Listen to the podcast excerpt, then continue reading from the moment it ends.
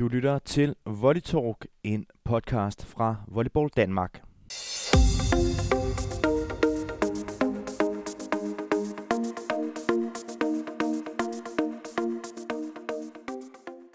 Og din vært i dag, det er Kasper Alehoff Hansen, og med mig har jeg Michael Jensen, der er head coach i Østrig i Volleyball Club Tirol.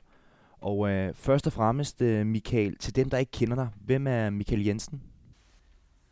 Michael Jensen, han er en, øh, en sportsnørd, der som teenager skulle vælge mellem volleyball og fodbold, og dengang valgte han volleyball.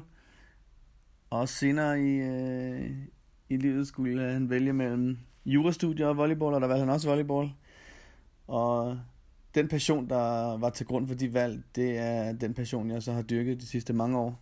Øhm, og nu egentlig fra at være spiller selv for mange år siden øh, hjemme i Danmark i den danske voldliga og i Lyngby Gladsaxe, øh, eller Lyngby Volley, som det dengang hed, til nu at være træner, jamen den passion har udviklet sig øh, til at blive mere seriøs. Alle de ting, jeg måske ikke var så god til som spiller, i forhold til at være disciplineret og øh, styrketræning og se video og studere taktik og så videre, jamen det er det stik modsatte af det, jeg laver nu, hvor det hele går op i at se video og øh, analysere statistik og være disciplineret og undervise i styrketræning og, og diæter og så videre. Så det er en, øh, en volleynørd øh, som teenager, der stadig er volleynørd som, som voksen. Det er der nok ingen tvivl om. Det er dit andet år i, øh, i Østrig og øh, i Volleyball Club Tirol. Hvis vi kigger lidt på, på den østiske række i forhold til, til den danske volleyliga, hvordan øh, ser du så niveauforskellen? Af de ligaer, jeg har været træner i, altså Danmark, Sverige og Østrig, som du nævner, der er den østrigske liga øh, den bedste. Det her niveauet er, er højest. Topniveauet er højst her. Bundniveauet er også markant højere, end det er øh, i, i både Sverige og Danmark. Øh, så det er nok mest bredden. Altså der er mange hold i Østrig, som øh, både øh, træner fem gange om ugen, fire-fem gange om ugen, har, øh, har ansatte udlandske spillere. Ja, det er 8 ud af 10 hold i den her liga, der har ansatte udlandske spillere. Um, og det er jo en, en stor kontrast i forhold til, hvad man ser i både Danmark og Sverige. Og så vil jeg sige, at en af de helt store forskelle i Østrig er, at der i den østrigske første division, altså ligaen under den bedste liga, den er todelt i regioner, og øh, der er 10 i den ene og 8 i den anden region. Og heraf, der skiller sig fire hold ud i hver region, som alle gerne vil og kæmper om at komme op i Bundesligaen. Så det vil sige, at der er otte hold hvert år, der skal kæmpe om to pladser i den bedste liga i Østrig, og som gerne vil. Og det, det er nok en af de helt store forskelle, for det, det ser man ikke derhjemme, og det, det synes jeg er med til at fortælle om, at bredden bare er større, og interessen er større. Og hvis man så skal kigge på, på nogle af de sådan store forskelle, der er på, på Østrig kontra Danmark, øh, prøv så at, at sætte nogle ord på dem. Som jeg lidt sagde i, i det seneste spørgsmål, øh, eller i mit seneste svar, den, den, den største kontrast øh, mellem Danmark og, og Østrig er jo, at at der bare er der er flere, flere spillere, der er flere klubber, der, der gerne vil det helt seriøse. Og så vil jeg også sige, at der er store krav til de østrigske Bundesliga-klubber, at man skal have øh, et vis antal ungdomshold i de klubber, hvis man vil have licens i Bundesligaen. Det vil sige, at ja, altså, vores klub skal have to U12-hold, og to U13-hold, og to U15-hold, og to u 17 hold, og øh, nu ændrer det sig næste år til at blive U18 og U20 hold. Øh, skal man have et af hen, øh, et U18 hold og et U20 hold. Og de krav skal klubben leve op til. Hvis man ikke, ikke man lever op til dem, så får man simpelthen ikke lov til at være i, i Bundesligaen. Og det gør jo, at alle klubberne, der er seriøse, øhm, de har både fokus på ungdom og udvikling af ungdommen, øh, og deltager i en masse ungdomsudviklingskurser osv. Øhm, ligesom de også har øh, fokus på deres Bundesliga-hold og, og udviklingen af deres Bundesliga-spillere selvfølgelig. Så det er en af de helt store kontraster, synes jeg, øh, mellem hvad vi ser derhjemme og hvad man har her. Altså de, de krav, der bliver stillet til klubberne øh, i forhold til udviklingen af unge spillere. Um, og så synes jeg også, at de kon, øh, konditioner, som, som klubberne stiller øh, til spillerne, altså rammerne, der bliver lavet. Øh, der er lidt flere penge i det. Altså de lokale spillere bliver også betalt for at spille. Der bliver skabt mulighed for noget morgentræning for de lokale spillere. Øh, så på den måde synes jeg, at der er, der er lidt bedre forhold for, for de lokale spillere, og det er selvfølgelig noget, som både forbundet og klubberne er med til at skabe. Øhm, og det vil jeg sige, det er nogle af de mest øh, positive kontraster, der er mellem den danske og den østrigske liga. Nu er du den eneste dansker, der, øh, der er i udlandet som, som head coach og har volleyball som, som dit levebrød. Hvis du skulle prøve at guide os igennem sådan en typisk hverdag, hvordan, øh, hvordan ser den ud for dig? En typisk hverdag for mig øh, starter med, at jeg står op tidligt, når min hund gerne vil op, og så øh, er jeg ude at gå en, en time med ham.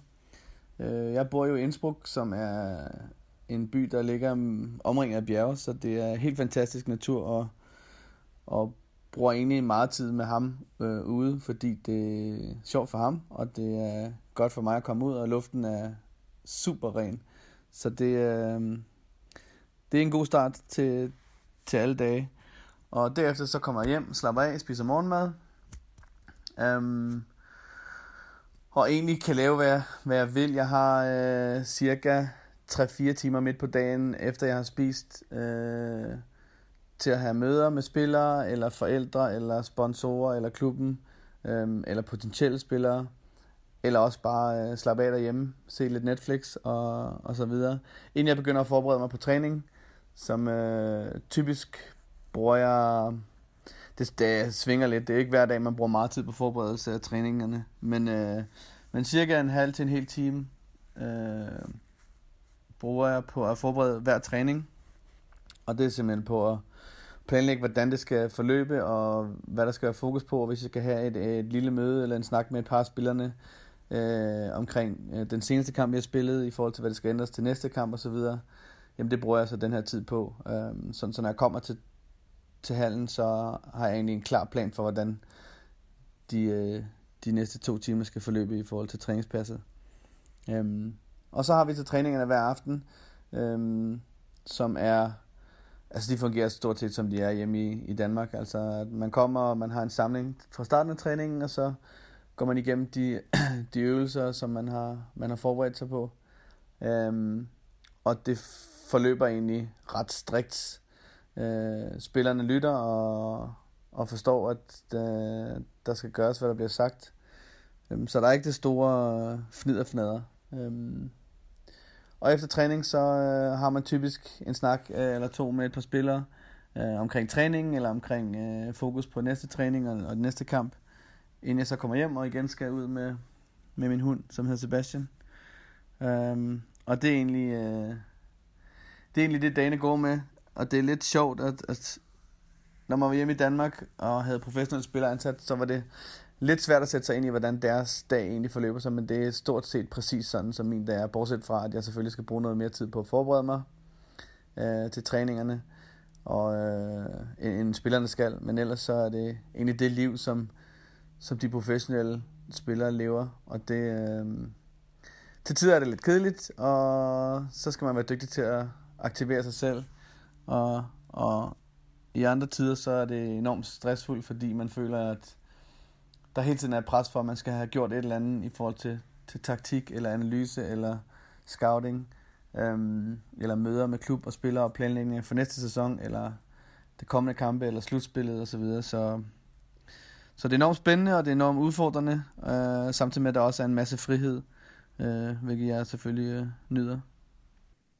Nu er det jo meget sjældent, vi har en, øh, en head coach med, med dansk pas i, i udlandet. Men øh, hvornår var det ligesom, at du fandt ud af, at jamen, det, det er den vej, du skal gå? Jeg har ikke altid ville være øh, fuldtidstræner. Altså, da jeg var yngre, så var min plan at være kok, og senere hen var det at være øh, advokat.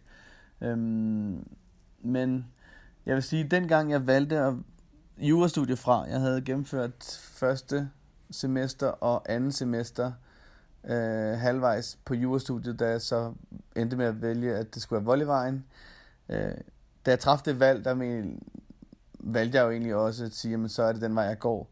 Øh, jeg elsker volleyball, jeg elsker spillet, og, og alle udfordringer, der er med at udvikle spillere, og udvikle taktikker, og træne teknikker osv.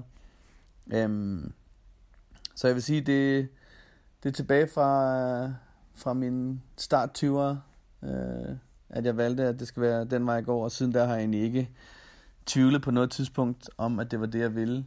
Øh, nogle gange har det været svært at få tingene til at hænge sammen økonomisk i forhold til øh, for eksempel at være i Danmark eller, eller Sverige, hvor øh, volleyball måske ikke er så, så udbredt eller så stor en sport.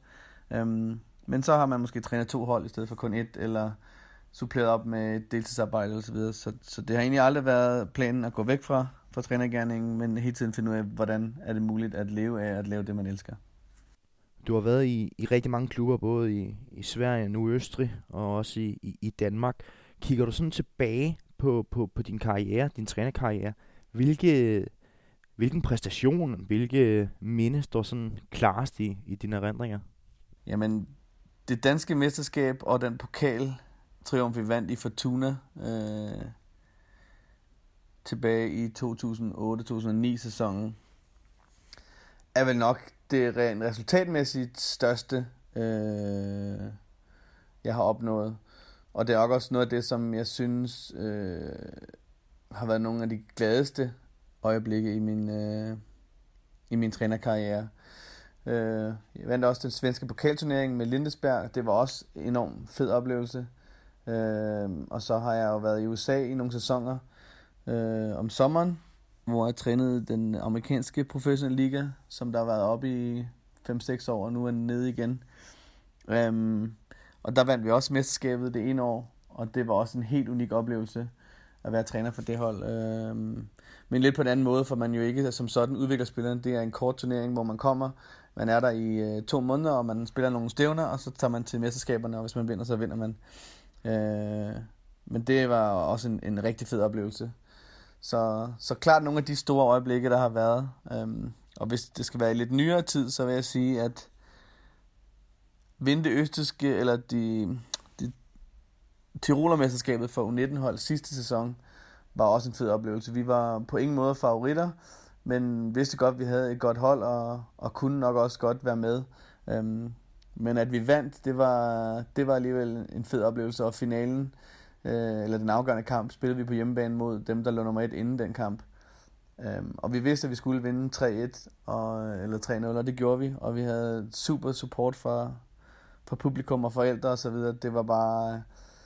Det var helt fantastisk, og det, der greb mig mest, det var egentlig, hvor, hvor vigtigt det var for klubben. Uh, altså, det, spillerne var selvfølgelig ellevilde, men, men, men også klubben, forældrene og, og, og klubledelsen osv. blev rigtig glade for den titel. Vi vandt den igen i år, og øh, i år var det fuldstændig modsat. Altså, der var ingen energi omkring de kampe, og vi var favoritter til at vinde, og vi vandt også. Og der var egentlig ikke nogen stor glæde, der var ikke nogen stor jublen fra klubben, og det er egentlig meget spøjst. Øhm, så det stiller i, egentlig stor kontrast til den titel, vi så vandt sidste år, for det var virkelig en stor oplevelse. Og det er nok en af de sjoveste og største øjeblikke i, uh, i nyere tid. Det sidste spørgsmål kunne, kunne meget vel være ambitioner. Det snakker man jo meget om, når man snakker om spillere. Jamen, hvad er ambitionerne for dem, og vil det gerne til udlandet? Du er i udlandet nu, uh, Michael, men, uh, men, men dine trænerambitioner, hvor, hvor langt rækker de? Fremtiden øh, lige nu, der er ingen tvivl om, at det skal være med volleyball. Det er jeg egentlig ikke i tvivl om. Og øh, det begrænser jo så også mulighederne for, hvad kan man sige, hvis man vil, vil hjem igen, jamen altså i Danmark lige nu, er der ikke umiddelbart nogen mulighed for at være fuldtidstræner, øhm, så vidt jeg lige ved. Jeg har ikke dyrket øh, de store kontakter øh, de seneste par år i Danmark, men, men følger selvfølgelig lidt med på sidelinjen, hvad der foregår. Og øh, muligheden er der i Sverige, der er to-tre muligheder, som øh, hvert år øh, af, et emne, men jeg, lige nu er ambitionerne nok, at man at jeg gerne vil til en større liga, eventuelt tyske liga, eller den franske, eller den svejsiske liga. Øhm, men først og fremmest vil jeg rigtig gerne opnå nogle gode resultater hernede. Sidste år havde vi nogle rigtig gode muligheder, øh, men tabte desværre i slutspillet. I år er vores muligheder ikke så gode. Vi er i slutspillet, men vi har det yngste hold i ligaen, og skal spille mod øh, de mangeårige mester fra, fra Wien i vores kvartfinale, så jeg kunne egentlig godt tænke mig at opnå nogle store resultater hernede, og det, øh, det betyder nok, at jeg tager et eller to år mere i Østrig, inden jeg begynder at tænke så meget på, at jeg gerne vil til en større liga. Men øh, man ved aldrig, og der er altid øh, masser af snak. Selvom jeg har en, jeg har to år tilbage af min kontrakt hernede, så er der altid snakker om, skal man fortsætte, eller skal man videre til en anden klub? Er klubben tilfreds? Og, og så videre. Jeg vil sige, i år har det været en, en sværere sæson, end det var sidste år, på mange fronter. Og det er egentlig spøjs, fordi at vi jo valgte at forlænge min kontrakt med tre år, men alligevel har den her sæson udviklet sig til at være lidt, øh, lidt op og ned, og uden tvivl den hårdeste sæson, jeg har haft som volleyballtræner øh, på det mentale og følelsesmæssige plan. Det har været en lang sæson, og måske også en af bagdelene ved at være træner i udlandet, altså at man har efterladt al familie og venner øh, hjemme i Danmark, så når det ikke går så godt, eller når man har nogle svære tider, eller der er lidt skemysler med, med klubben og så videre, jamen så er man bare helt alene og øh, skal håndtere det helt selv. Og det, øh, det har været rigtig hårdt i år, og det gør selvfølgelig også, at man tænker på, vil man blive ved med det her, eller vil man, øh, vil man hjem, hvor man har mere end, end kun sit arbejde. Øhm, så de tanker bryder selvfølgelig også hverdagen en gang, men, men, men som det ser ud lige nu, så har, man, har, har jeg ambitioner om, at jeg vil, vil være træner i mange år i fremtiden, og også gerne i en bedre liga end, end den østriske. Jamen tak for din tid, Michael. Det var, det var spændende, og, øh, og selvfølgelig held og lykke i, i Østrig og med trænerkarrieren øh, fremover. Det var alt fra Volley Talk, og husk nu, at du kan finde endnu flere Wordy Talks inde på SoundCloud, og ellers er der bare at sige på genhør og rigtig god dag.